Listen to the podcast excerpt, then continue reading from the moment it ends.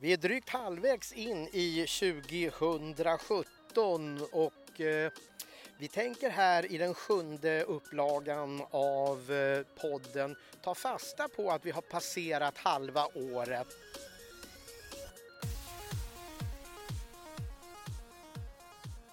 Ska se tillbaka på vilka framgångar som har nåtts inom Budo och kampsportförbundet. Vi ska också se framåt. Vad har vi att vänta? Vilka förhoppningar kan vi ha i de mästerskap som kommer? Så här långt 38 internationella officiella mästerskapsmedaljer varav 14 guld. De som tycker att man ska inte räkna med juniorer av någon anledning så går tre medaljer bort som juniorer har plockat hem. Men det är som vanligt ett framgångsrikt förbund som har sammanlagt 29 sporter men hälften av de där sporterna har inte tävlat internationellt. Några tävlar inte överhuvudtaget och andra har inga landslag. Vi ska återkomma lite grann till det där men först Jonathan, vilket är din höjdare för det här året så här långt? Ja, egentligen har jag väldigt många höjdare som är svåra att eh, differentiera på det sättet. Eh, ska man välja ut en eh, så blir det ju ett, ett, eh, en tävling som jag var på live. Det, det förgyller nästan alltid eh, helhetsintrycket.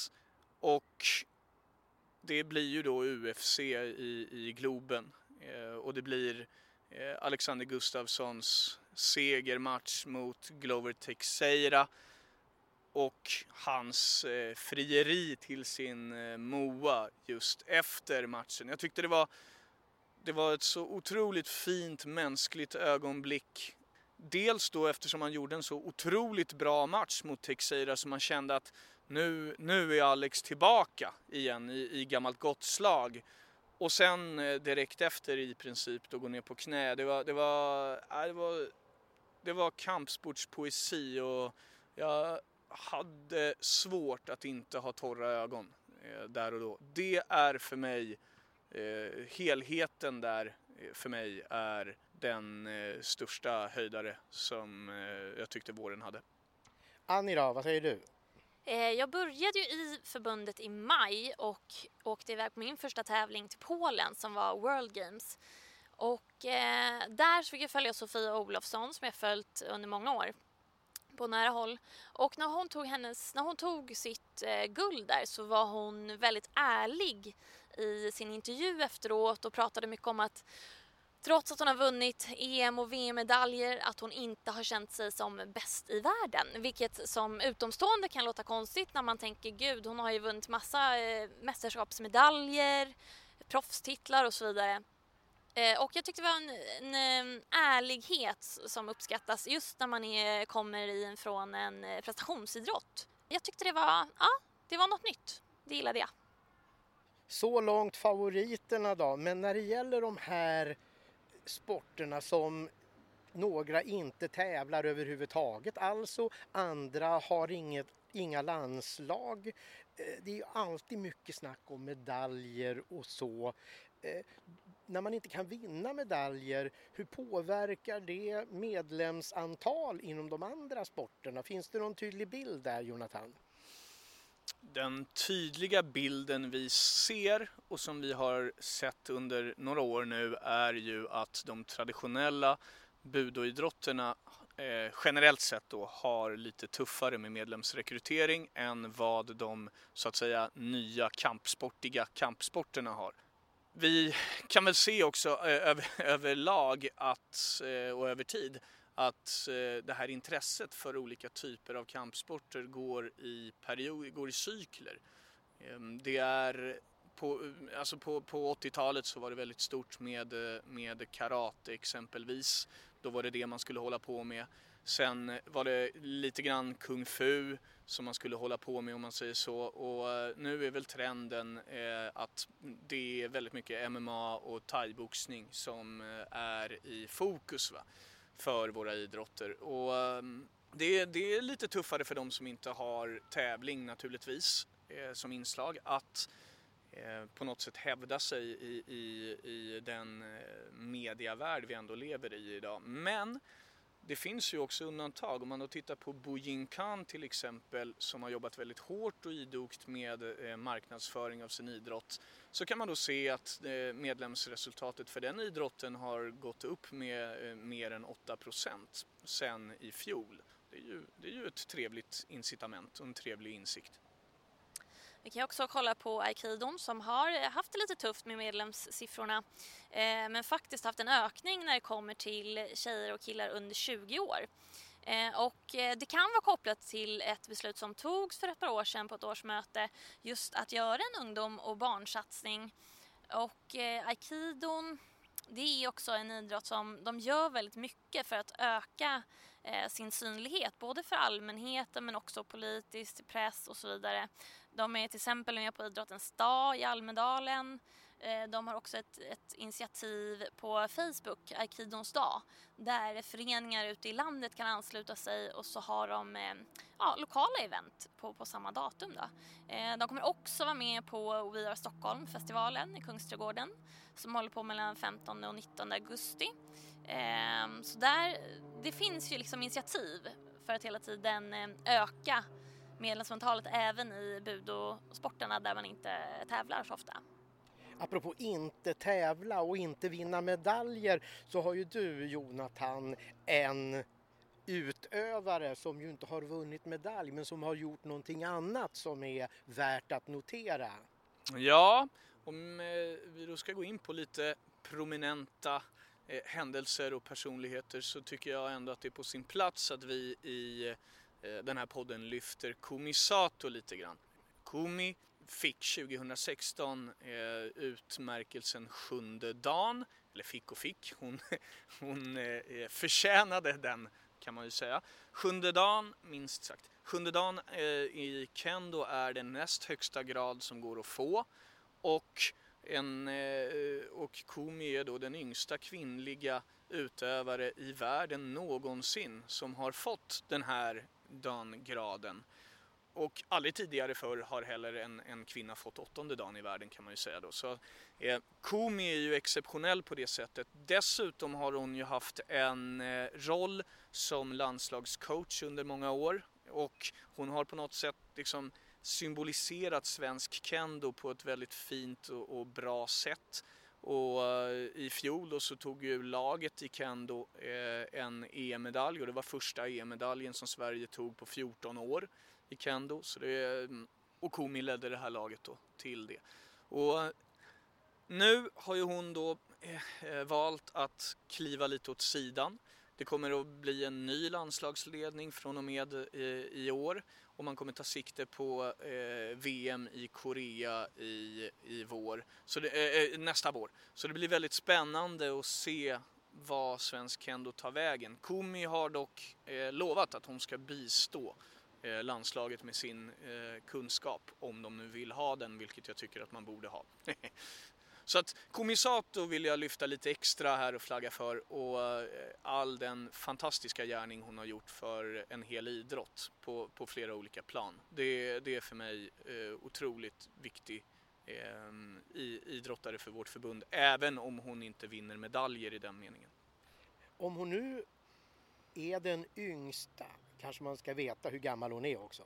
När hon eh, fick den här dangraden var hon 39 år. Hur kommer det sig då att, att man ändå måste bli så pass... Är, alltså är det, är, måste det vara så att man blir så pass eh, till åren kommer som 39 ändå är i, i idrottssammanhang ju. Är, är det så pass svårt? Ja, det är så pass hårt och det, det tar sin tid att få olika eh, gra, gradhöjder om man säger så.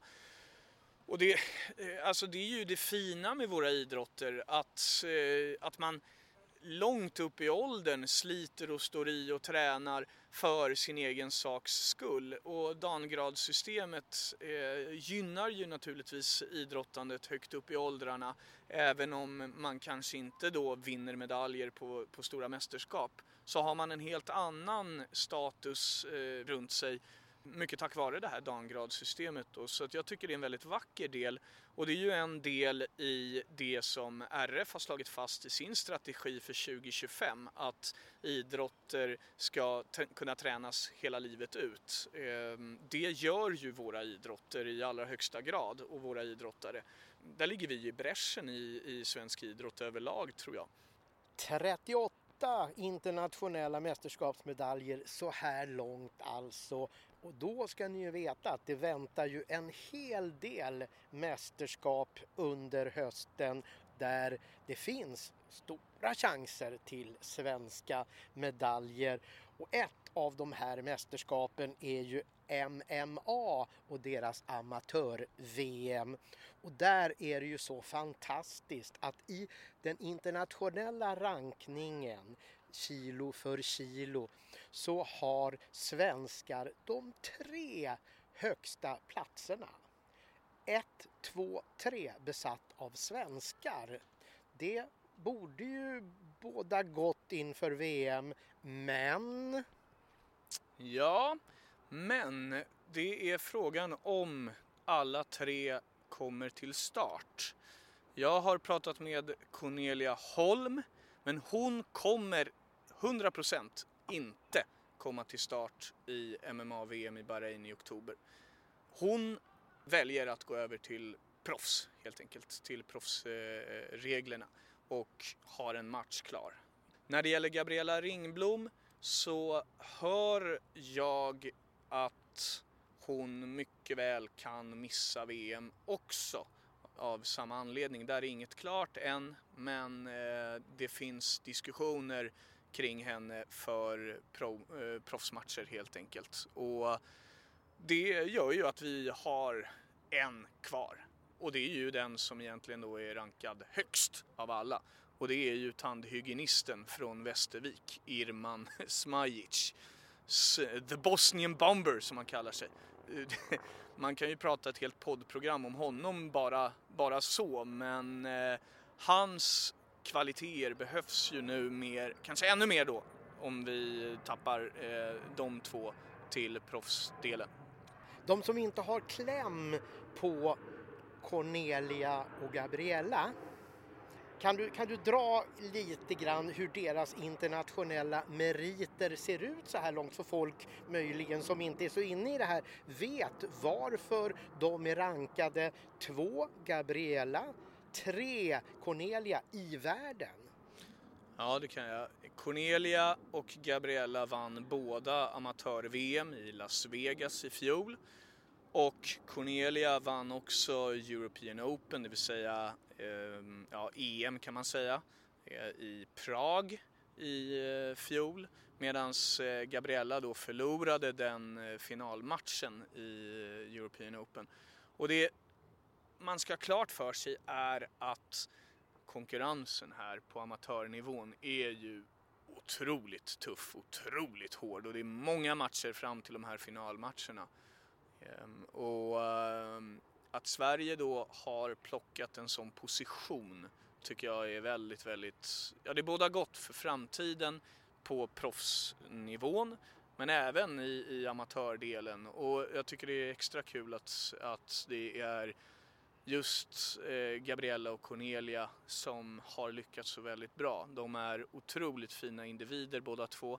Väldigt, väldigt seriösa i sin eh, idrottsutövning och är ju alldeles fantastiska att se på när de kliver in i buren. Det är, de är otroligt duktiga båda två. Vill ju höra då vilka som möjligen skulle kunna ta vid där de inte längre finns med i laget om det nu blir så att båda nobbar. Men först Irman, berätta lite, vad, vad, vad, vad är hans styrkor och vad skulle möjligen kunna vara det som gör att han inte når dit vi vill? Ja du, Irman har ju en väldigt speciell stil.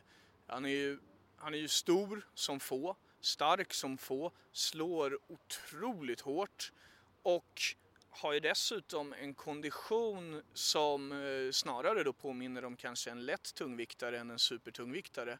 Så han är ju otroligt svårpasserad eh, på marken tack vare det och han orkar ju verkligen stå och, och eh, gå på under en hel match. Så det, han är ju otroligt svår, svårforcerad på det sättet. Och sen, sen har han ju den här utstrålningen, eh, den här personligheten som gör att han är väldigt lätt att tycka om. Jag, minns eh, under VM i, Las Vegas så eh, när han hade vunnit VM-guldet så, så kom han med ett jättevrål först som hördes säkerligen hela vägen bort till västkusten. Och sen, sen, sen eh, skrek han eh, någonting i stil med att ska det vara så svårt eh, direkt efteråt. Ehm, så han, han, är en personlighet och en karaktär som, som smittar av sig och en, en, en otroligt trevlig och ödmjuk kille som, som alla i landslaget, jag har rest med landslaget själv flera gånger, tycker om. Och det, det tror jag behövs för framtiden. Där. Har du med flit undvikit frågan om vad skulle de kunna göra för att besegra honom då? Jag har ju sett han förlora. Jag såg han förlora eh, European Open-finalen i Prag. Eh, det var i och för sig oturligt för hans del. Då han eh, gick på knock helt enkelt men åkte på en eh, teknik i sin, på sin väg framåt som gjorde att han då förlorade den matchen tyvärr. Så att det är väl så man kan komma åt honom. Det är ju så jag har sett folk komma åt honom. Eh, annars så vet jag inte riktigt alltså. Det, det gäller ju att hålla sig undan helt enkelt. Men det vinner man ju inga matcher på. I övrigt då? Vad, vad finns att hoppas på i, i, i, det svenska sortimentet inför detta VM? Förutom de här två tjejerna då som det är lite osäkert kring. Mm. Jag tycker man ska hålla ögonen öppna på Hoger Sali från Stockholm. Eh, han har Jimmy Jensen som eh, coach och tränare och det är en klok herre det. Och Hoger har utvecklats väldigt, väldigt mycket eh, av det jag har sett. Jag gillar också Renato Vidovic från eh, Göteborg och Fighter Center. En tekniker utöver det vanliga som har kommit mer och mer ehm, som verkligen är en herre att räkna med framöver tror jag. Och så ska man kolla in Serdar Altas, en eh, otroligt sevärd fighter. Oktober är det som gäller då, men redan i september handlar det om en sport som brukar vara hänvisad till ensamheten. Det stämmer bra det. Det är VM i armbrytning vi talar om. Eh, och eh, när vi pratar armbrytning så är det också intressant att nämna att eh, sen eh, de blev medlemmar i förbundet 2015 har de nästan fördubblat sitt medlemskap, äh, sitt medlemsantal. Och för att ta en liten tillbakablick till våren så var det ju faktiskt också ett EM där det var stor framgång, stor svensk framgång med 16 medaljer faktiskt. Det var bland annat Elin Janeheim som tog dubbla guld i juniorklassen, Tove Norelius som tog också dubbla guld i U21 och så var det Jonny Jonsson som tog guld i senior grandmaster-klassen. Och där har jag bara nämnt guldmedaljerna. Så att det är ju mycket, eh, ser ju mycket lovande ut inför världsmästerskapen nu i eh, september. Dock har vi inte fått en trupp än men vi hoppas hoppas ju på att vi ska se Fia Reisek försvara sitt VM-guld. Mm. Man kan ju undra vad de pysslar med där i ensamheten med Heidi Andersson och Fia Reisek. De är ju kusiner eh, vad jag har förstått också. Och eh, ni som inte har sett eh, SVTs reportage om Fia Reisek som Bernt Lagergren gjorde här i våras, gå in och titta på det för det var alldeles fantastiskt. Och där visar det sig att hon har andra eh, kvaliteter också än eh, bara armbrytning. Hon gör ju bland annat masker till filmer och sånt där. Eh, en härlig idrottsprofil och armbrytarna, jag vill bara tillstå det, de har ju kommit in i vårt förbund ganska nyligen men de har kommit in med en sån otrolig energi och eh, eh som liksom smittat av sig på hela vår verksamhet. Jag tycker det är fantastiskt att armbrytningen är med oss. Och vi som var på galan senast fick ju också se en häftig anbrytningsmatch mellan Sean Banan och Patricia Axling. Den gick inte av för hackor. Nej, det kanske inte var den te mest tekniska match jag sett i armbrytning hittills. Men eh, resultatet var ju eh, inte precis överraskande där Patricia mosade Sean Banan. Men han vann ju å andra sidan i en annan del sen när det gällde att gå på klackar. En sak till kan man ju notera då för de som möjligen funderar på att börja med armbrytning. Eh, det är ju en av storfräsarna som inte bor kvar i ensamheten längre så man behöver uppenbarligen inte bo där. Nej precis, det är ju, eh, Fia har ju flyttat därifrån. Mm, så det, men jag, jag, undrar fortfarande vad de pysslar med där i ensamheten. De är vad var det, 20 pers eller någonting som bor där och två världsmästare i samma idrott. Det är ju, det är ju värt att, att, att, lyfta på ögonbrynen för alltså. Det är ju häftigt. Hur många medaljer kan vi få då i armbrytning? Ja, 16 EM ska vi tippa på 20. du, vi byter sport och eh, Sina Gelassi är ju en profil i en sport som vi nu ska snacka om. Precis, stämmer bra och det är ju såklart kickboxningen som i november kommer ha ett världsmästerskap i Budapest i Ungern.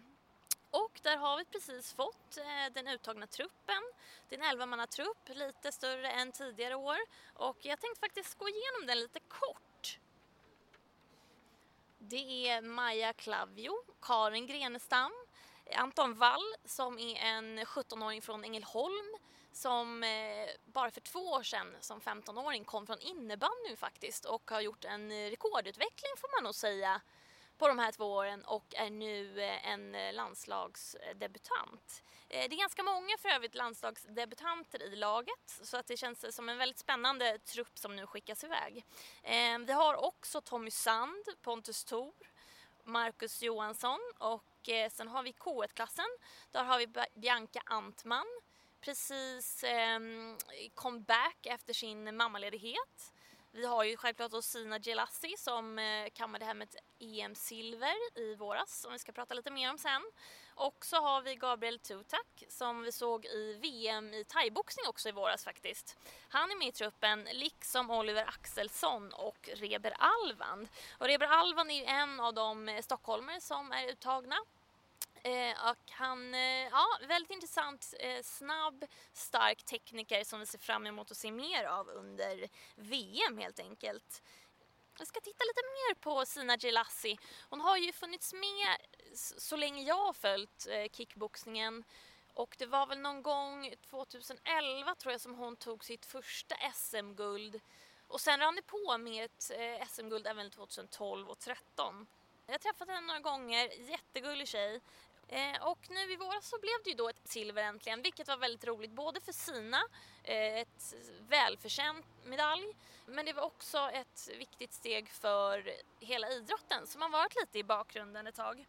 Och eh, Sina körde ju på och i somras så blev det också World Games-deltagande. Tyvärr var det ju en ganska hård och svår lottning så redan i kvartsfinalen så fick hon möta polska Marta Walicek som är den tvåfaldiga världsmästarinnan och den som slutligen vann hela kickboxturneringen. Trots detta eh, så lyfts hon fram som en av de klara medaljfavoriterna i truppen när vi pratar med landslagscoachen Jonas Jensen det känns som vi, det, det är många namn här och en intressant tjej. Det känns som vi kanske måste göra ett poddavsnitt om kickboxning före det här VMet på något sätt. Inte minst med tanke på det jag nu tänkte fråga.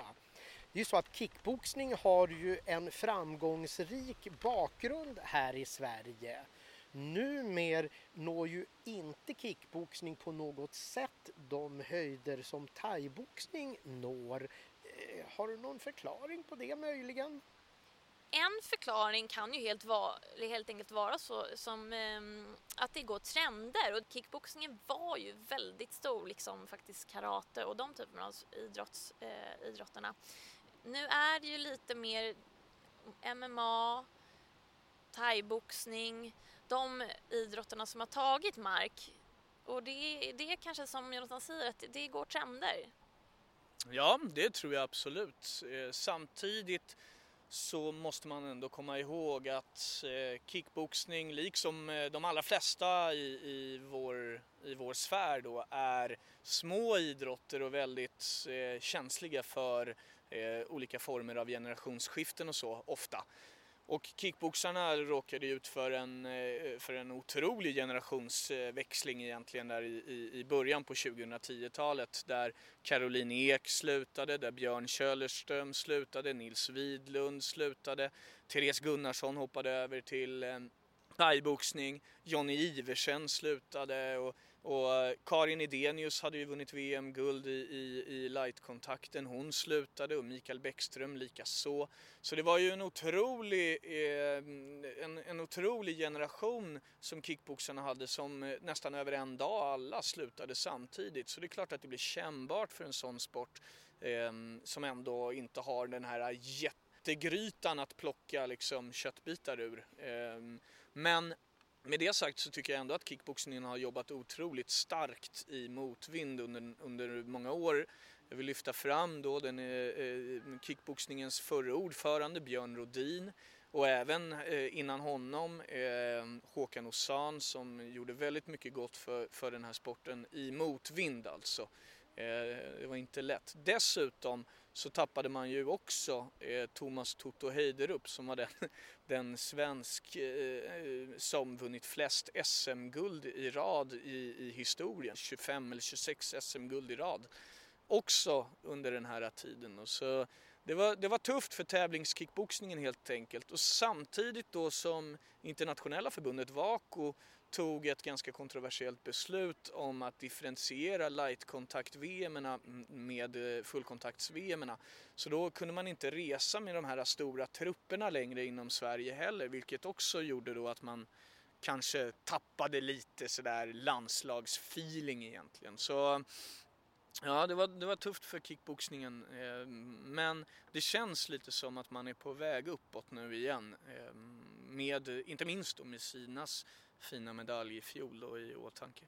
Ja, och jag tror att eh, medan thaiboxningens medlemsantal har eh, ökat drastiskt så har kickboxningen stått lite stilla. Men jag tror också att eh, många kan få inspiration av Sinas prestation och jag tror att eh, Kickboxningsförbundet eh, och vi som eh, Svenska Budo och måste bistå i den här utvecklingen.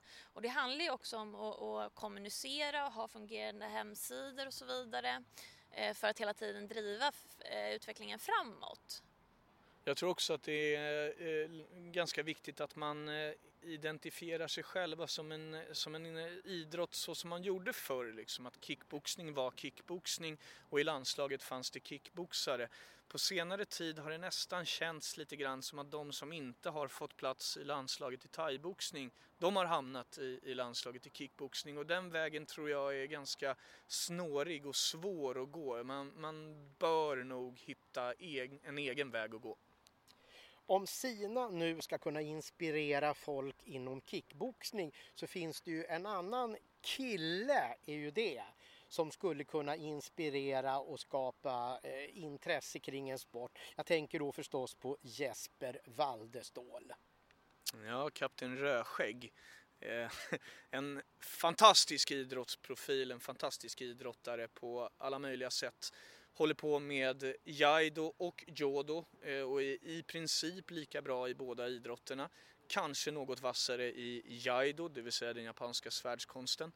Och han har ju en utstrålning kring sig som, är, är, som liksom märks när man, är, när man är runt. Det är en härlig profil på det sättet och otroligt, otroligt ambitiös alltså.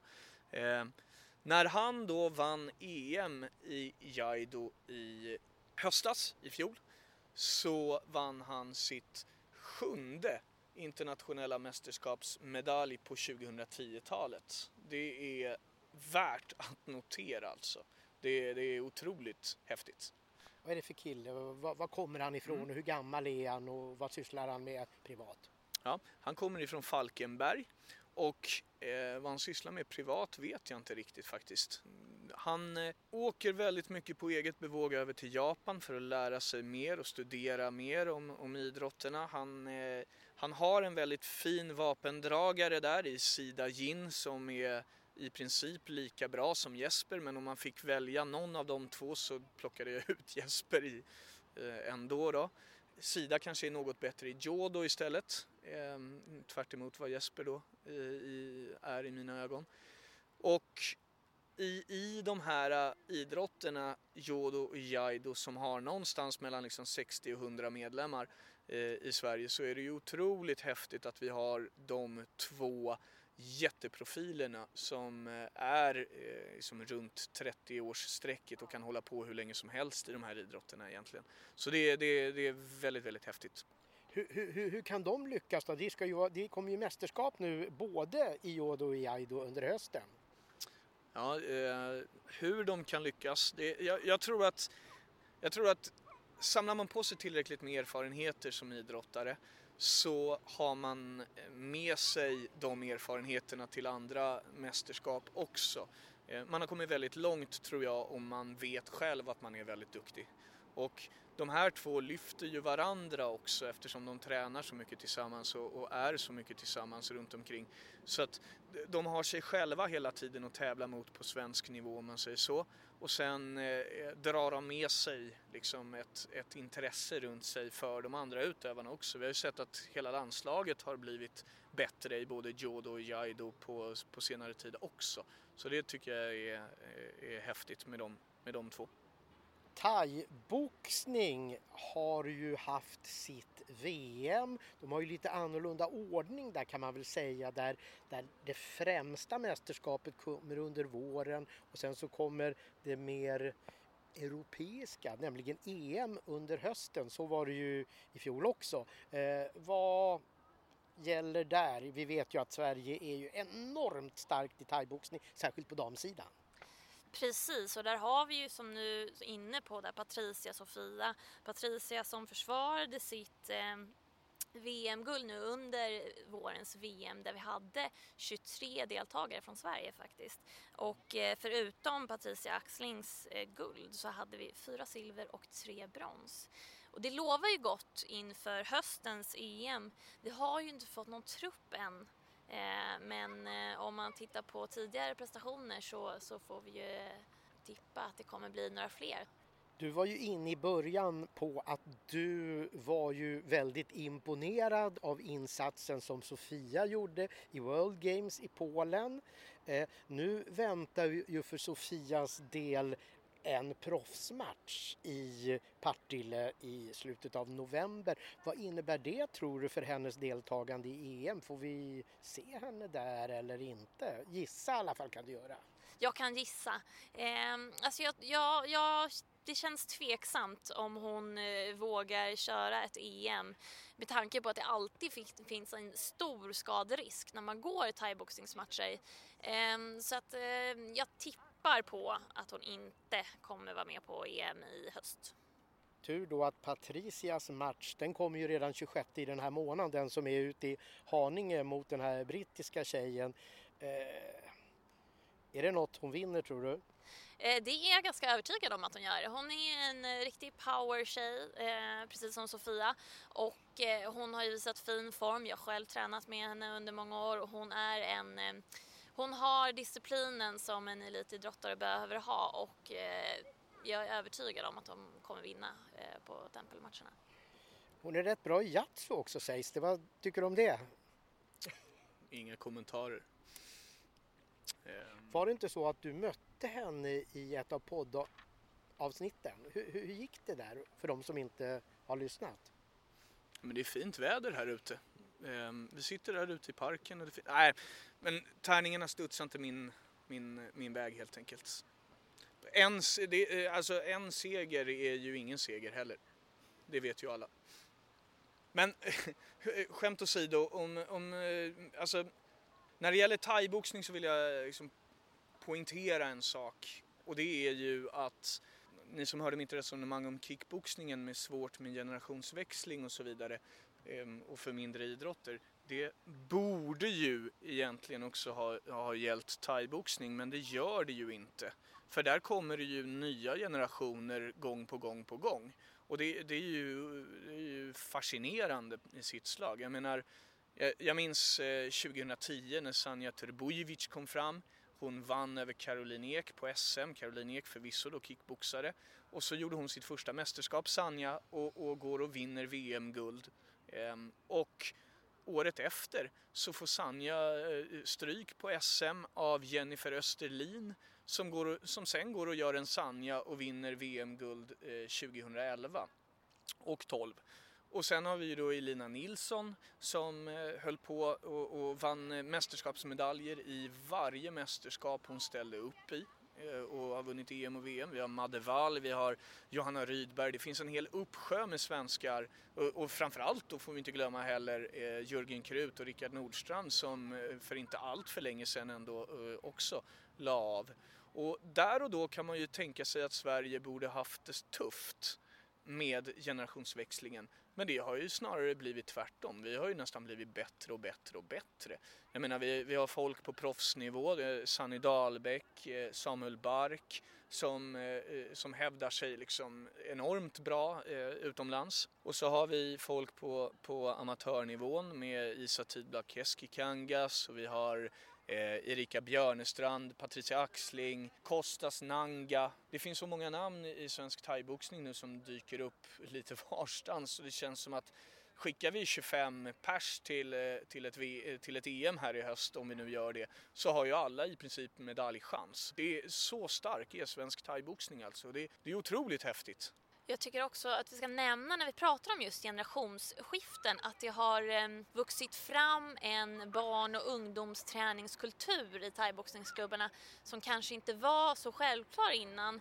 Då var det mycket, det var förening, det var tävling när man kom ner i, i ehm, lokalerna, det andades inte barn och ungdomsträning. Den pedagogiken kanske inte riktigt användes. Men det har växt upp en sån kultur under de senaste åren och jag kan ju nämna någon som jag själv har varit på samma klubb med under många år, Hedda Engström, en eh, nu 18-årig fighter som precis var med på IFMA Youth nu här senast i, i veckan faktiskt. Eh, och det, det, det, det lovar ju gott för framtiden att vi hela tiden i thaiboxningen eh, bygger på underifrån. Ett tillägg då, då är, när, när det då finns diplom thaiboxning och så vidare så är det ju inte så konstigt att folk eh, tycker att thaiboxning är en, är en bra verksamhet. Det har ju funnits ett thaiboxningsgymnasium också i Varberg under, under flera års tid eh, som eh, också tagit hand om talanger. Så thaiboxarna, de gick ju förbi jujutsun här i, i, i fjol som vår största idrott rent medlemsmässigt och jag är inte förvånad för att de har jobbat väldigt stort, väldigt brett och väldigt klokt under lång tid. Så eh, det är för mig delförklaring. En annan delförklaring är att det finns oerhört många kompetenta ledare ute i landet eh, som bidrar. Eh, alltså eh, Pelle Bånghäll, duktige eh, förbundskaptenen, enormt viktig. Du har Peter Löv på slagskeppet, du har Jocke Hallberg uppe i, i, eh, uppåt i landet och så har du Tony Gjuncic nere i, i Lund alltså. Pernilla Johansson, eh, Magdalena Kowalczyk etc. etc. etc. Så att det, kunskapsbanken har, har på något sätt eh, sparats och appliceras idag på de som eh, är utövare och det är ju otroligt viktigt också. En sliten klyscha kan alltså användas här, framgång föder framgång. Wushu är nästa ämne. Jajamän, och det är ju dags för VM, Sanda-VM i Kazan i Ryssland i oktober. Vi har än så länge inte fått någon trupp, men vi vet att vi från Sverige kan skicka fem till sex personer. Så att där får vi vänta lite med nyfikenhet hur truppen kommer se ut. Men det har ju faktiskt hänt andra saker under året i Orsu. Eh, vi har fått en ny landslagstränare, Sifu Chen, och också en ny ordförande, Luciano Macri, som tidigare var vice ordförande. Kan du säga något om hur starkt Sverige är i den här sporten? Det var, vi hade ju en eh, av, av de aktiva var ju nominerad till, i, på, på, på, galan. vi har ju haft väldigt duktiga, eh, både Sanda slash Sancho, hur man nu vill uttala det eh, eller benämna det, ehm, eh, och Taulo-utövare i Sverige och, och, det har ju startats ett EM i, i de här idrotterna för inte allt för länge sedan och där har det visat sig att Sverige har hävdat sig väldigt bra. Robin Larsson vann ju EM-guld bland annat och det var ju han som var nominerad på galan. Och sen i Taulo-delen så har ju Jakob Isaksson varit väldigt framträdande, oerhört duktig. Så att det finns ju en, en, en bas att stå på Eh, i, inom svensk wushu också. Eh, där man kanske då ändå får säga att wushun har haft en generationsväxling eh, där också. Så att det, mm, det, det, den kommer att växa ännu mer, det är jag helt övertygad om. Vi har pratat om sporter som inte har några landslag, om sporter där man inte tävlar. En sån sport var för inte alls så länge sedan HEMA. Men där har man kommit igång med tävlandet och minsann har inte de också ett mästerskap? Jajamän, de har ju faktiskt ett mästerskap som kommer nu i höst, nämligen Swordfish. Eftersom att de har, precis som du sa, börjat tävla så har de inte, mm, det finns inte något internationellt förbund som driver något EM eller VM utan det här är det internationella mästerskap som ses som eh, ja, så nära som möjligt så att säga. Och där har vi ju, vi har ju haft en, en, en satsning från HEMA rent eh, synlighetsmässigt också. De valde ju att vara med på SM-veckan som ett litet eh, kick-off för den här tävlings initiativet och eh, fick ju mycket tid, i webb-tv och det var ju en liten bonus att tv-profilen Kalle Zackari Wahlström, mer känd från Svett och etikett, eh, var med på ett klipp och fick testa Hema eh, och känna av lite hur idrotten var och också bjuda tittarna på lite olika tekniker och det blev ju ett SVT Facebook-klipp som delades väldigt mycket. Vilket är otroligt positivt för idrotten. Eh, och om vi sen tittar på själva SM-resultaten som kanske kan eh, säga någonting om hur Swordfish resultaten kommer att se ut också om vi har tur. Eh, så var det ju Dennis Ljungqvist som var SMs kung får man nog säga. Han vann både svärd och bucklare och kanske den mest prestigefulla grenen långsvärd. Han tog dessutom silver i sabel. Eh, så vi hoppas ju på fler eh, prestationer som resulterar i medaljer på Swordfish eh, där Sverige kommer att delta och tävla mot några av världens bästa utövare från Slovakien, Holland och Italien bland annat.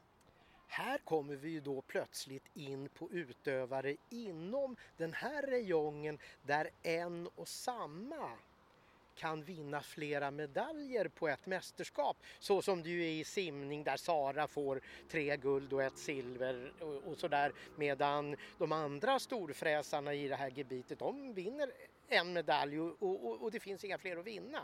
Du hade någonting att lägga till när det gäller HEMA?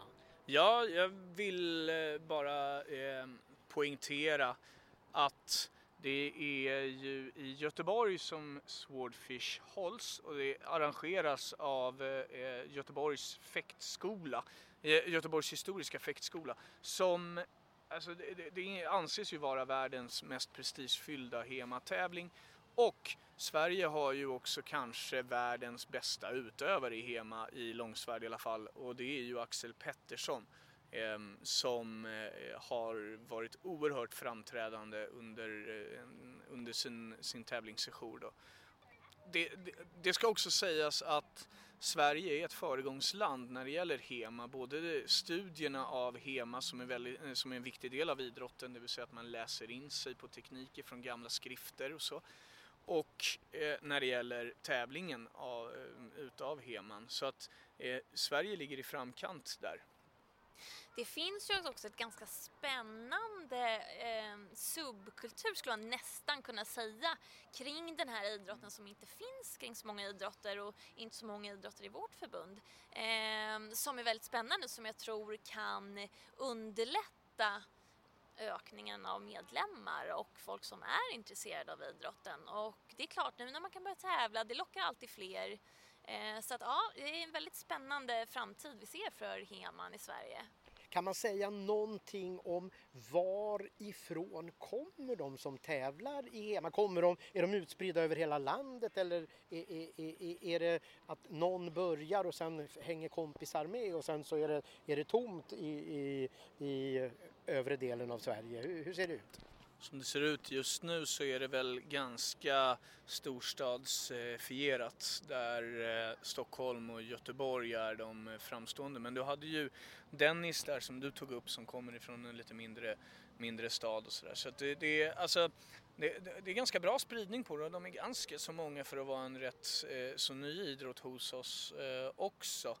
Ehm, så att eh, vi är ju väldigt tacksamma över att HEMA kom till oss och, och eh, att, de, att fäktningen eh, inte ville ha dem. Ehm, det, det, tycker jag är mycket roligt och mycket, mycket trevligt. Ungefär som armbrytarna då som brottarna inte ville, ville ha.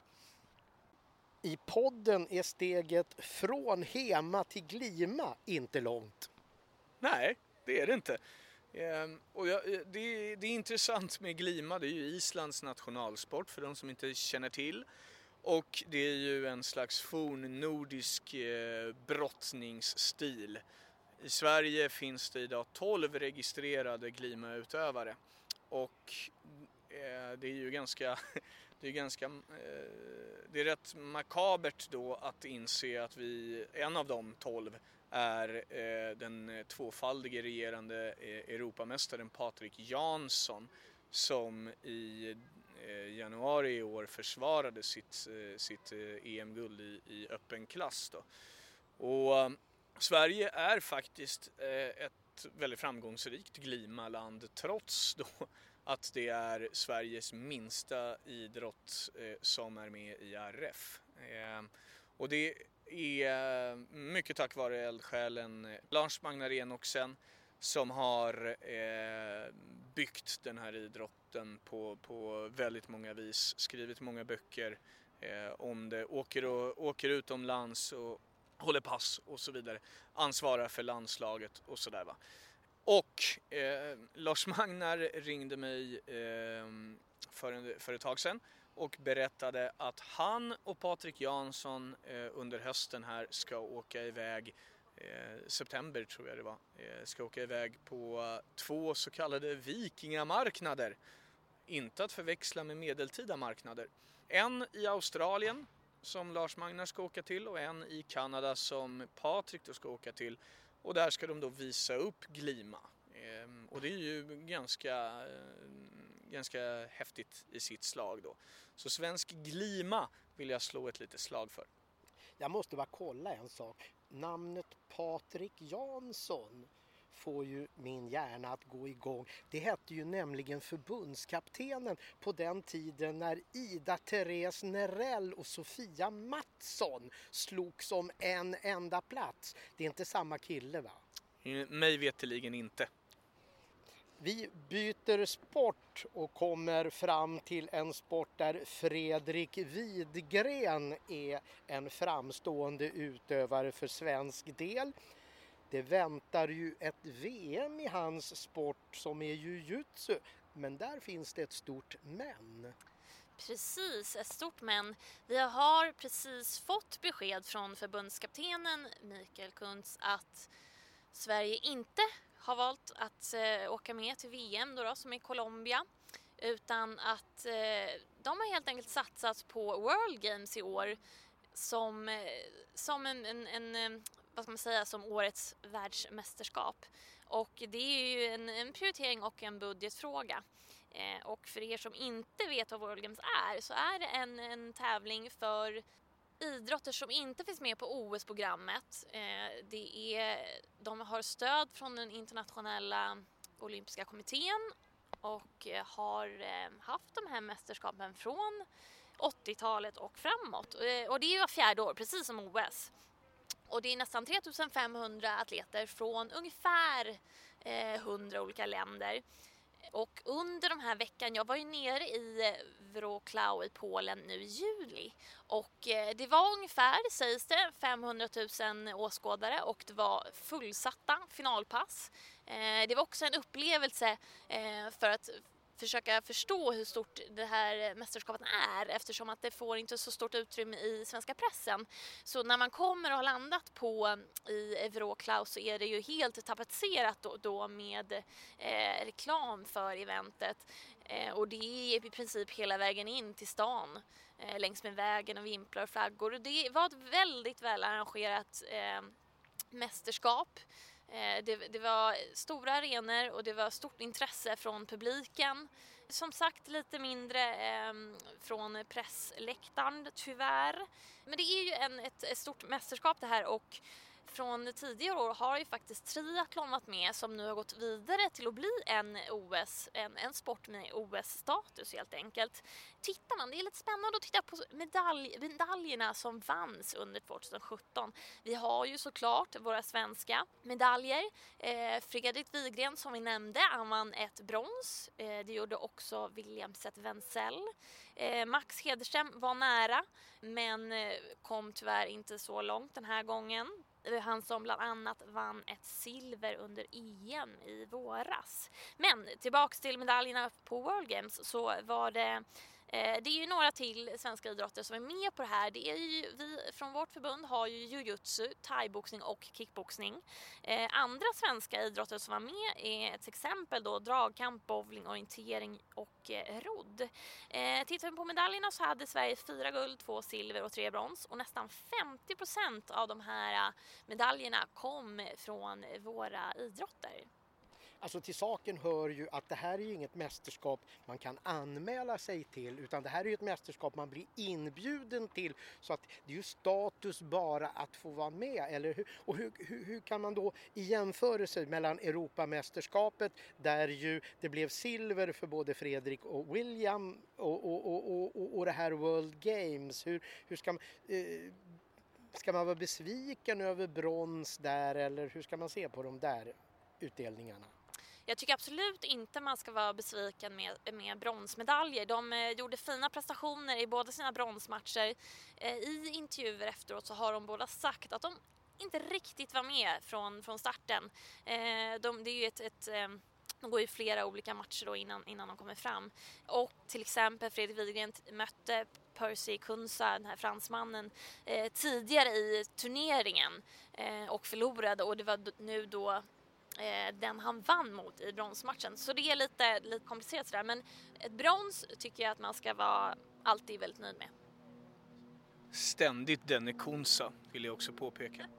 Eh, apropå Kunsa, det är faktiskt lite kul att du nämner det. Eh, för eh, om vi ska prata om Fredrik Widgren lite mer så det var faktiskt min allra första intervju jag gjorde för förbundet. Det var 2013 och då hade han eh, precis eh, som 18-åring då slagit igenom i senior-VM i Wien. Han hade ju vunnit många juniormästerskapsmedaljer internationella eh, och 2012 så vann han ju då det här silvret och 2013 hade jag den här SM, jag tror att det var SM, jag intervjuade honom.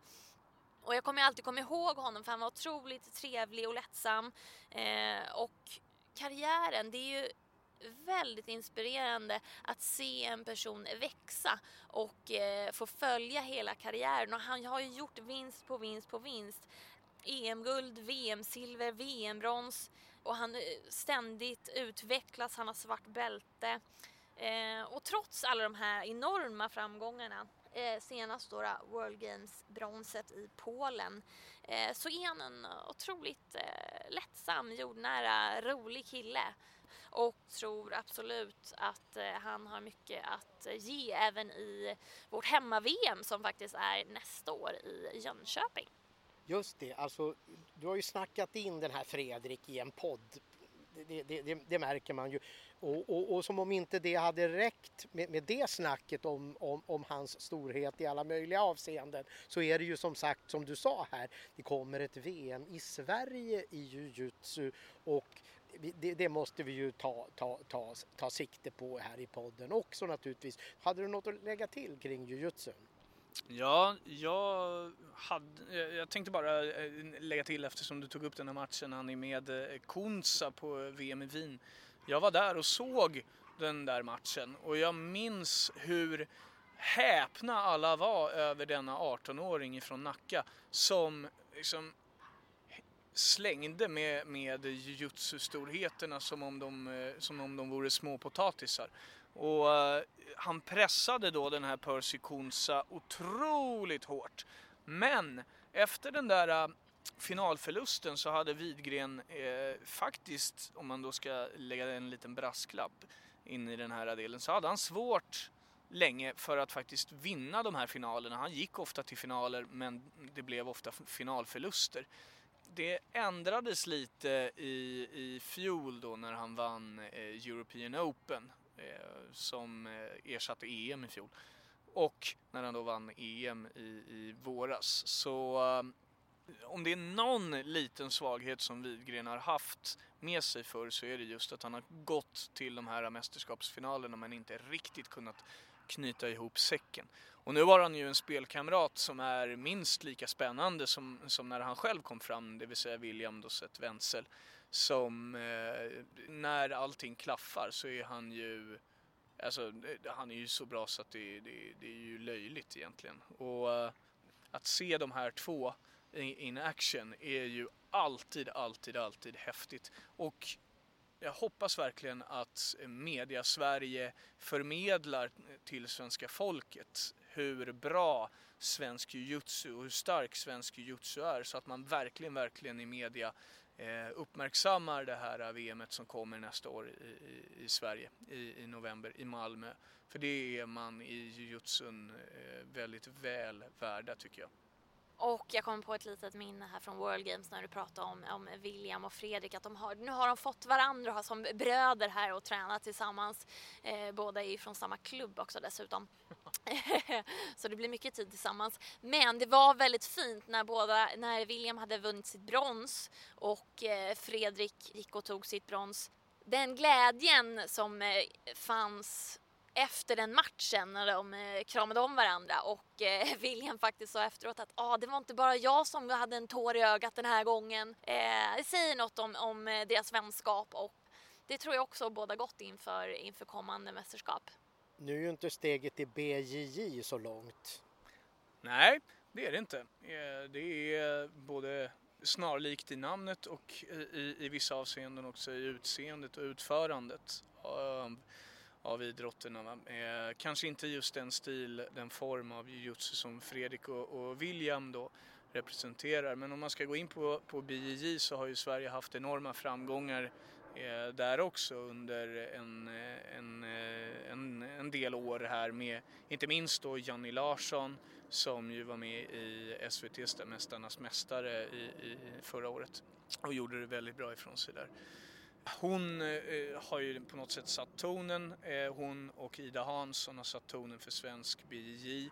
Och i våras så följde Maxine Thulin, faktiskt också då hemmahörandes i Nacka Dojo, eh, eh, Fredrik och Williams eh, gamla hemklubb. Nu, nu tävlar hon eh, visserligen eh, för något amerikanskt stall om jag inte minns, missminner mig helt.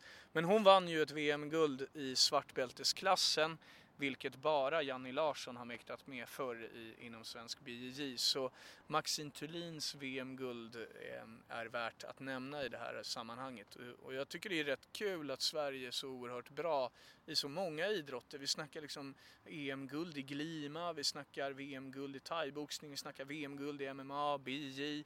Det är inte bara en idrott som levererar hela tiden och det tycker jag är häftigt. BJ har dessutom ett mästerskap, ett European Open i Portugal som kommer här i, i under hösten och ett SM i Jakobsberg som jag själv tänkte åka och titta på. Jag kan slå ett slag lite för det. Och rapporteringen från detta SM i Jakobsberg hittar ni förstås på sajten. Vi går vidare bland sporterna här. Då kan vi kika lite in på capoeiran.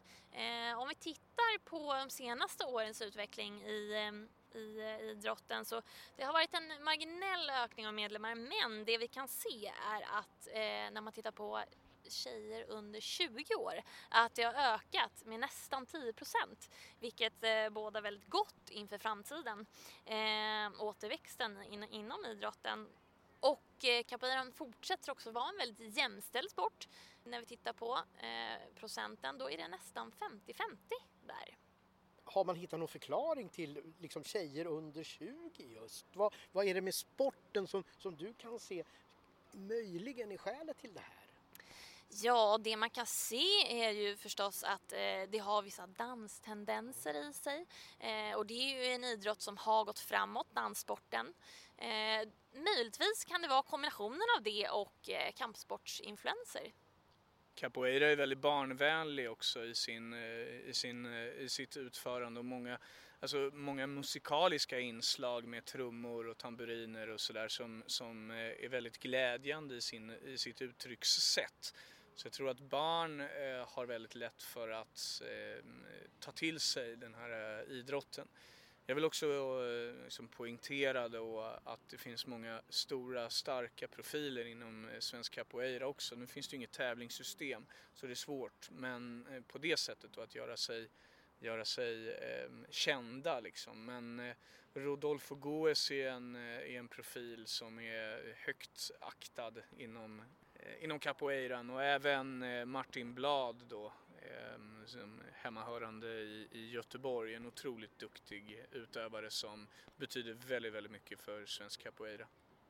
Och eh, då kan vi väl då eh, gå in på nästa sport. Vi var inne på den lite, lite, lite tidigare, Bojinkan. Jag nämnde den inledningsvis, eh, att de har gått framåt medlemsmässigt. Och jag tänkte, jag tänkte liksom eh bara passa på att nämna det att eh, Bojinkan är ju inte heller eh, någon tävlingsidrott då, precis som, eh, som capoeira.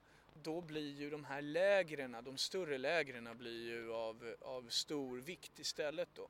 Och eh, i februari så arrangerades då Sverigelägret i Bojinkan och i samband med det hade man också sin årsstämma. Och på den årsstämman så passade man då på att eh, komma med flera hedersutnämnanden och då tänkte jag bara nämna de utnämnandena. Och det var ju Rickard Sundelius som fick motta Bojinkanförbundets guldmedalj som det heter.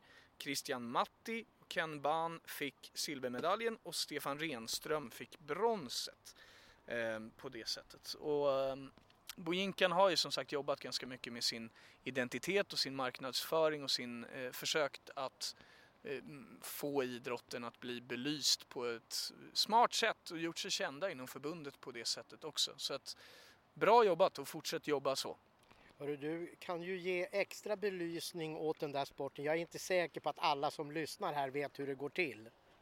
Nej, ehm, det är ju en träningsidrott med eh, flera olika typer av element då med nedtagningar och kast och framförallt Alltså, det finns ju en liten kultur inom bojinkan som kanske här, härstammar lite från ninjakulturen. Så.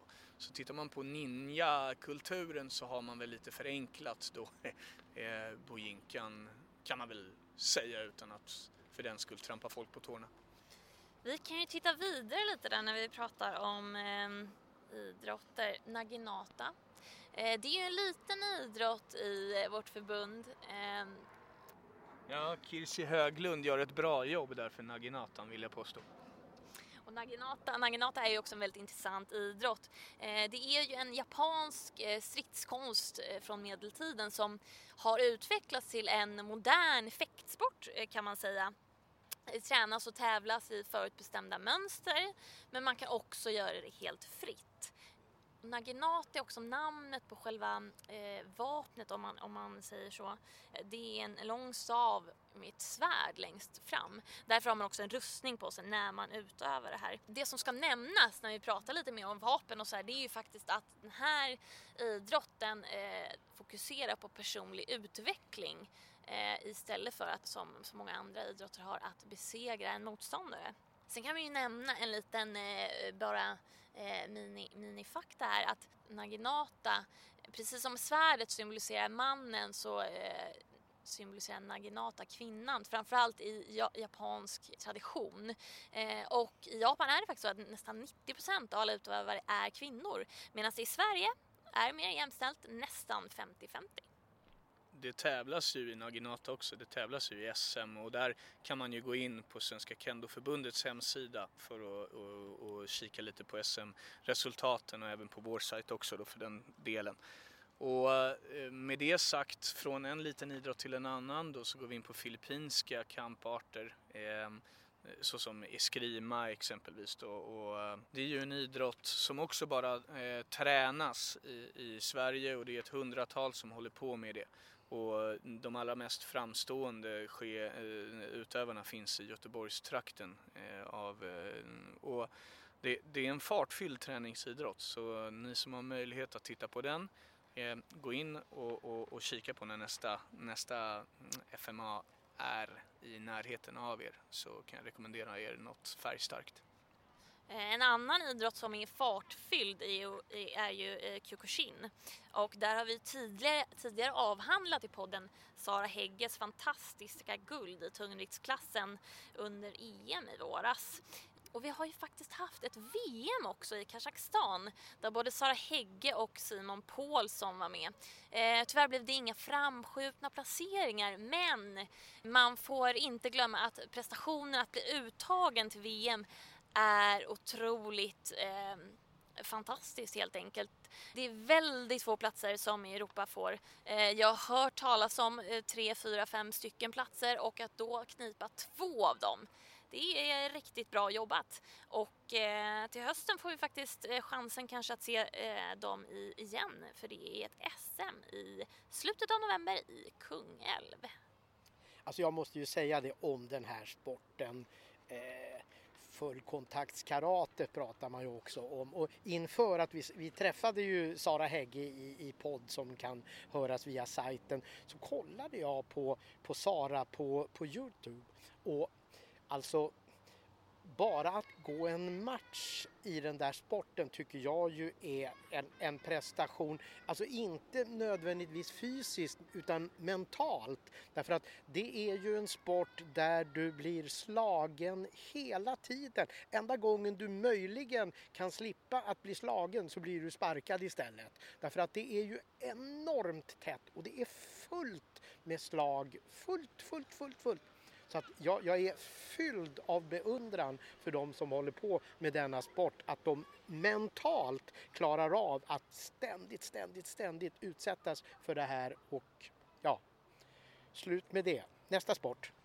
Ja, det får ju då bli eh, Kempo som eh, hade nöjet, vårt nöje, att inträda i förbundet här för ett par år sedan och har ju gjort en, en succéfylld start kan man väl säga. Eh, lite, lite skånefierad eh, där det är ja, starkt näste i Skåne helt enkelt, Kempon. Eh, hoppas att det sprider sig mer. Och en av de utövarna som Kempo har och förfogar över är ju, eh, om jag får göra en liten blårandig referens här i allt. Eh, Nej. Nej, eh, men då säger jag Svedalas stolthet, det vill säga Tilda Ek som är alltså som var åkte till VM i, i, i år i eh, januari som regerande världsmästare. Bara det var en story i sig då hon på mästerskapet i, i fjol då skulle ha ställt upp i U21-klassen. Den slogs ihop med seniorklassen och Tilda gick och vann hela den som egentligen junior då. I år åkte hon till VM och var ett jagat namn och då kom hon hem med två guld ifrån VM. Ett i submission och ett i fight-delen och det är alltså det är ju enormt imponerande ehm, och tyder ju på ett tävlingspsyke utöver det vanliga. Berätta lite mer om de här två momenten då. Ja, submission är ju som det låter då en, en brottningsdel helt enkelt och fighten då, då har du ju liksom slag och sparktekniker i det hela så att det är väl förenklat så. Eh, apropå Kempo, då kan jag fortsätta med Chorinho Kempo. Eh, de har ju haft ett VM i USA. Tyvärr blev det inga jättebra placeringar den här gången, men landslagscoachen är väldigt nöjd med debutanterna. Eh, och Dillon Tilly Sardou och Olle Lindström eh, var de som blev eh, bäst av deltagarna från de västerländska länderna i herrarnas kyoklass. Och den bästa svenska tjejen blev Hanna Svedberg som tävlade tillsammans med Jan Luang i den mixade klassen och de tog en sjunde plats. Vi hoppar över till Krav Maga, det vill säga den israeliska eh, idrotten som egentligen utvecklades för Israels armé en gång i tiden. Och där kan man väl egentligen säga då att Krav Maga inte heller har ett tävlingssystem, eh, åtminstone inget som appliceras i Sverige. Och Eh, det har varit lite tufft för Krav Maga med medlemmar. Medlemsantalet har sjunkit under året. Men klubbantalet har ökat. Så att det finns ju förhoppningar om att man lyckas rekrytera fler till Krav Maga. Ehm, det som är kul med Krav Magan är att den är relativt liten men relativt utspridd i landet. Så det finns ju i, i liksom ställen som Gotland, Sundsvall, Stockholm, Göteborg, Skellefteå, Ludvika, Halmstad med mera. Så uh, jag hoppas på en, en, eh, en liten medlemstillförsel där under närmaste, närmast framtid. Vad går sporten ut på då? Det, det, är ju en, en, en ren självförsvarsstridskonst kan man säga med, med eh, tekniker för att avvärja sig mot vapenattacker och, och attacker överlag då, man mot man eller kvinna mot kvinna. Då. Jag kan ju då dra parallellen eh, om den ryska självförsvarsmetoden som heter Systema som är en av våra idrotter i förbundet.